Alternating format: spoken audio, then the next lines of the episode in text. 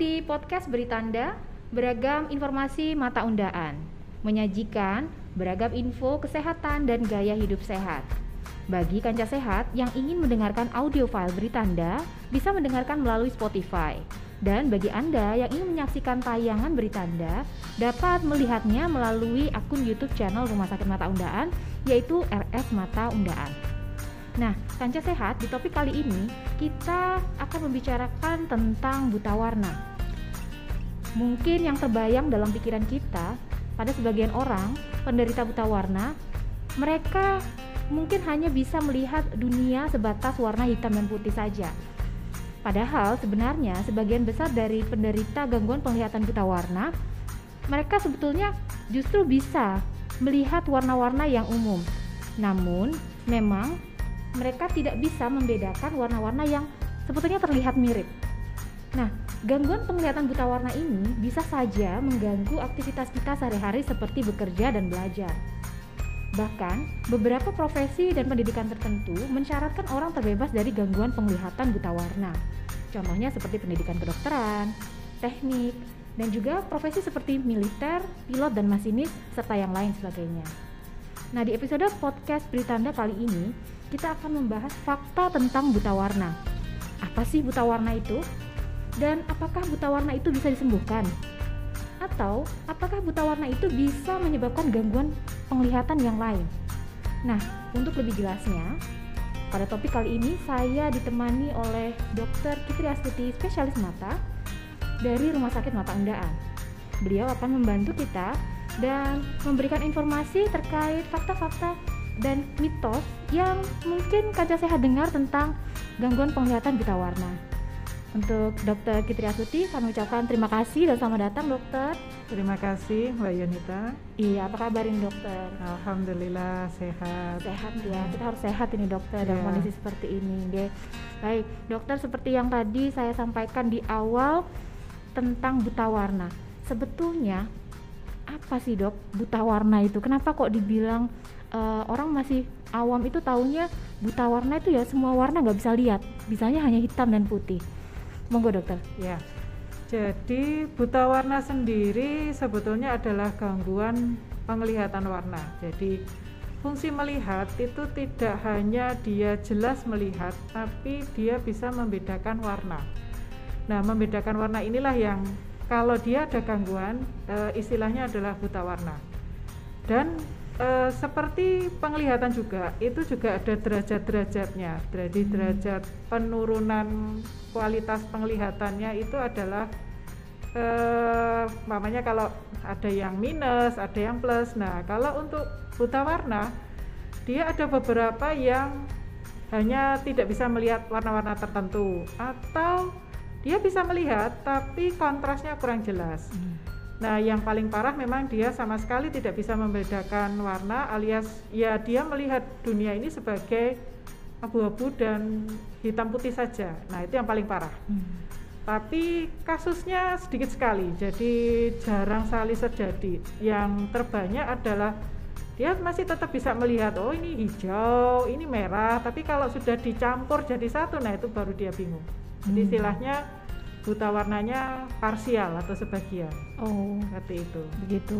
Baik, berarti betul ya dok ya bahwa memang ada sebagian kasus yang di mana penderitanya itu hanya melihat di area abu-abu ya dok ya. Ada, tapi itu jarang sekali. Jarang Iya. sekali. Baik. Nah, sebetulnya eh, faktor apa yang memicu seseorang sehingga eh, bisa mengalami gangguan penglihatan seperti buta warna ini, dokter? Ya. Apakah keturunan atau seperti apa, dok? Jadi kalau untuk buta warna sendiri ini adalah penyakit keturunan betul. Jadi eh, sebagian besar memang disebabkan dari herediter atau diturunkan. Tapi juga ada juga buta warna yang disebabkan karena didapat. Nah, seperti dia punya kelainan diabetes, gangguan pada pasien-pasien usia lanjut, kemudian gangguan glaukoma, kemudian gangguan penyakit-penyakit saraf mata atau retina itu bisa juga menyebabkan eh, pasien itu jadi buta warna. Ada juga beberapa kasus itu karena dia mengkonsumsi obat-obat jangka panjang. Ada yang bisa menyebabkan buta warna. Meskipun derajatnya dia berbeda-beda, alias uh, tidak sampai dia melihatnya abu-abu semua gitu enggak tapi uh, terjadi penurunan kontras biasanya jadi dia umpamanya kalau untuk orang lain ini merah cabai ah dia cuman ya ya merah ya tapi kok kayak oranye nah, seperti Hmm, itu Begitu ya. Jadi sebetulnya justru eh, buta warna ini bukanlah pemicu gangguan penglihatan lain, tetapi mungkin akibat dari gangguan penglihatan yang sebelumnya ada, begitu dokter? bisa nah pada beberapa kasus ya ini pada kondisi pasien yang kondisinya memang kondisi fisiknya buruk ya jadi karena kondisi fisiknya buruk terjadi eh, gangguan buta warna biasanya seperti itu jadi bukan karena dia punya buta warna terus dia eh, punya penyakit-penyakit yang lain itu jarang itu tidak benar ya dok iya. ya. Jadi eh, seperti itu kancah sehat. Nah untuk selanjutnya ini dokter. Nah kan karena buta warna ini seringnya tidak disadari oleh mereka yang eh, mengalami gangguan penglihatan buta warna. Eh, Kira-kira bagaimana upaya untuk melakukan deteksi dini dokter? Untuk menyatakan bahwa seseorang itu ternyata memiliki gangguan penglihatan buta warna kan tidak disadari ternyata Iya. saya ini punya eh, gangguan penglihatan buta warna Jadi memang seharusnya ya seharusnya itu pada pemeriksaan dini terutama anak-anak dengan usia sekolah eh, sebaiknya sih diperiksa oleh eh, bagian dari unit kesehatan sekolah. Cuman ya tidak semua sekolah mengadakan pemeriksaan Iya. seperti itu ya. Jadi kalau memang dari beberapa kasus seringnya itu ketahuan pada saat mereka tuh ingin masuk militer. Oh, loh kok Hmm. saya tuh ternyata buta warna ya. Jadi baru sadarnya setelah dia memilih pekerjaan, nah itu sebetulnya sudah terlambat sekali. Seharusnya sebaiknya sih pada usia-usia anak-anak sekolah dasar itu sebaiknya diperiksa dan memang ada alatnya khusus ya. Alat khususnya itu namanya buku isi hara itu untuk Hmm. eh, tes dari eh, anak-anak itu dia bisa membedakan warna atau tidak. ya Seperti itu. kuncinya adalah deteksi dini Deteksi ya dokter dini, ya. iya. Anjuran dari dokter Kitri ini untuk adik-adik yang mungkin masih usia sekolah minimal satu tahun berapa kali dokter? Apakah memang harus melakukan pemeriksaan lengkap dasar ya khususnya buta warna mungkin eh, minus atau silinder juga mungkin bisa diketahui dari situ atau bagaimana nih dokter? Jadi kalau untuk buta warna yang bawaan itu kalau sudah diketahui satu kali pemeriksaan dia sudah buta warna ya sebetulnya pemeriksaan berikutnya sama saja ya tidak perlu diulang lagi.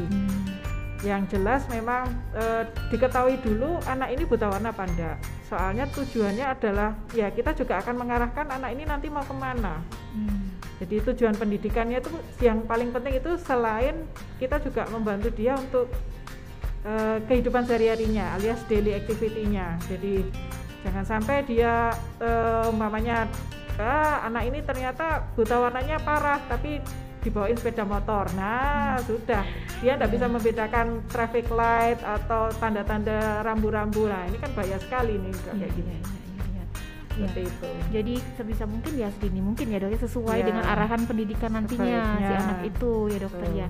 Nah kemudian kalau nanti si anak ini tumbuh dewasa dokter, apakah eh, kira-kira gangguan penglihatan buta warna ini bisa berangsur-angsur pulih begitu dokter? Mungkin eh, kecil gitu ya ada gangguan penglihatan, tapi nanti mungkin setelah dewasa berangsur-angsur normal kembali. Apa memang memang seperti itu dokter? Kalau buta warnanya karena kongenital menetap dia, jadi dia bukannya tambah baik ya segitu aja. Jadi Hmm. kelainannya itu memang tidak ada per, tidak ada perbaikan. Jadi sama seperti kita punya rambut keriting ya kita luruskan ya nanti keriting lagi Oh, kalau gitu. obatnya habis. Iya iya iya. gitu ya dok ya. Jadi Iya. eh, kalau memang sudah ada Sudah- gejala itu ya Sudah bawaan, bawaan ya dok. ya. tidak bisa kita sembuhkan memang. Siap, baik baik. Nah selanjutnya kalau kita ngomong upaya juga ya selain deteksi dini dokter, ini ada juga yang eh, info yang saya terima juga kacamata membantu untuk eh, supaya kita bisa membedakan warna, khususnya mereka-mereka yang ada mengalami gangguan penglihatan buta warna. Apakah betul dokter kacamata itu eh, ada dan memang bisa membantu untuk eh, pasien-pasien ataupun penderita gangguan penglihatan buta warna? Ada kacamata seperti itu ada, tapi juga bukan berarti dia mengembalikan fungsi warnanya 100% ya. Hanya membantu supaya lebih cerah saja. Hmm. Itu kan seperti kayak kita bantu dengan apa ya? kayak screen ya jadi uh, difilter ya yeah. difilter supaya gambarnya bisa lebih cerah itu aja jadi bagaimanapun kalau derajatnya parah ya susah juga. Ya hanya membantu saja sih sebetulnya tapi tidak menyembuhkan. Jadi kalau hmm. kacamatanya dilepas ya balik lagi. Bukan berarti dia sembuh gitu. Oh begitu. Jadi ya. sifatnya hanya membantu, membantu saja. tidak menghilangkan ya dok. Ya jadi Baik. istilahnya dia tidak apa uh, tidak terlalu terganggu untuk kehidupan sehari harinya gitu oke okay, baik. Nah selanjutnya uh, kira-kira kalau seseorang sudah dinyatakan memiliki gangguan penglihatan buta warna sebetulnya ada tindakan atau penanganan lanjutan kah dok untuk pasien-pasien tersebut? Apakah mungkin ada uh, tindakan bedah yang sampai harus dilakukan atau pengobatan terapi seperti itu dokter?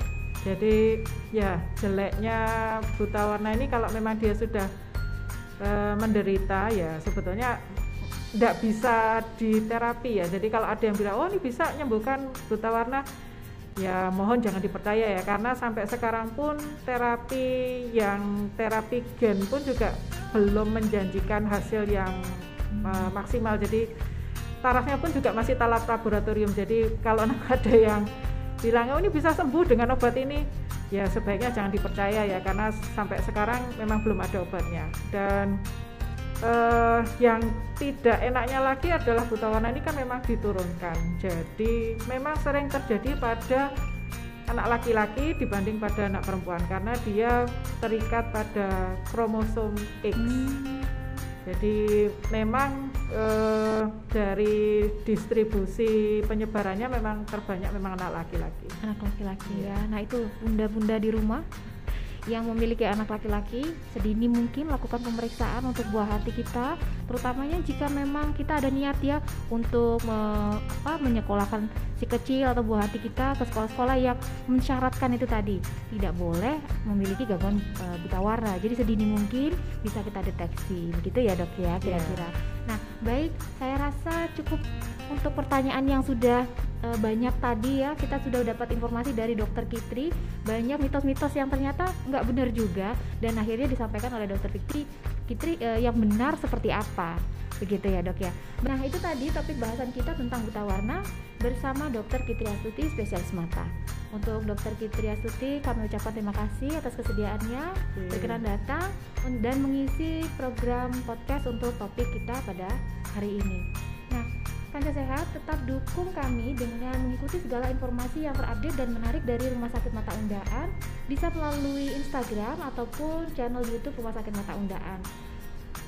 Pesan kami tetap jalankan protokol kesehatan, jaga jarak, tetap gunakan masker dan jauhi kerumunan. Jangan lupa juga makan makanan yang bergizi. Nantikan kembali tayangan podcast berita Anda Rumah Sakit Mata Undaan selanjutnya. Salam mata sehat.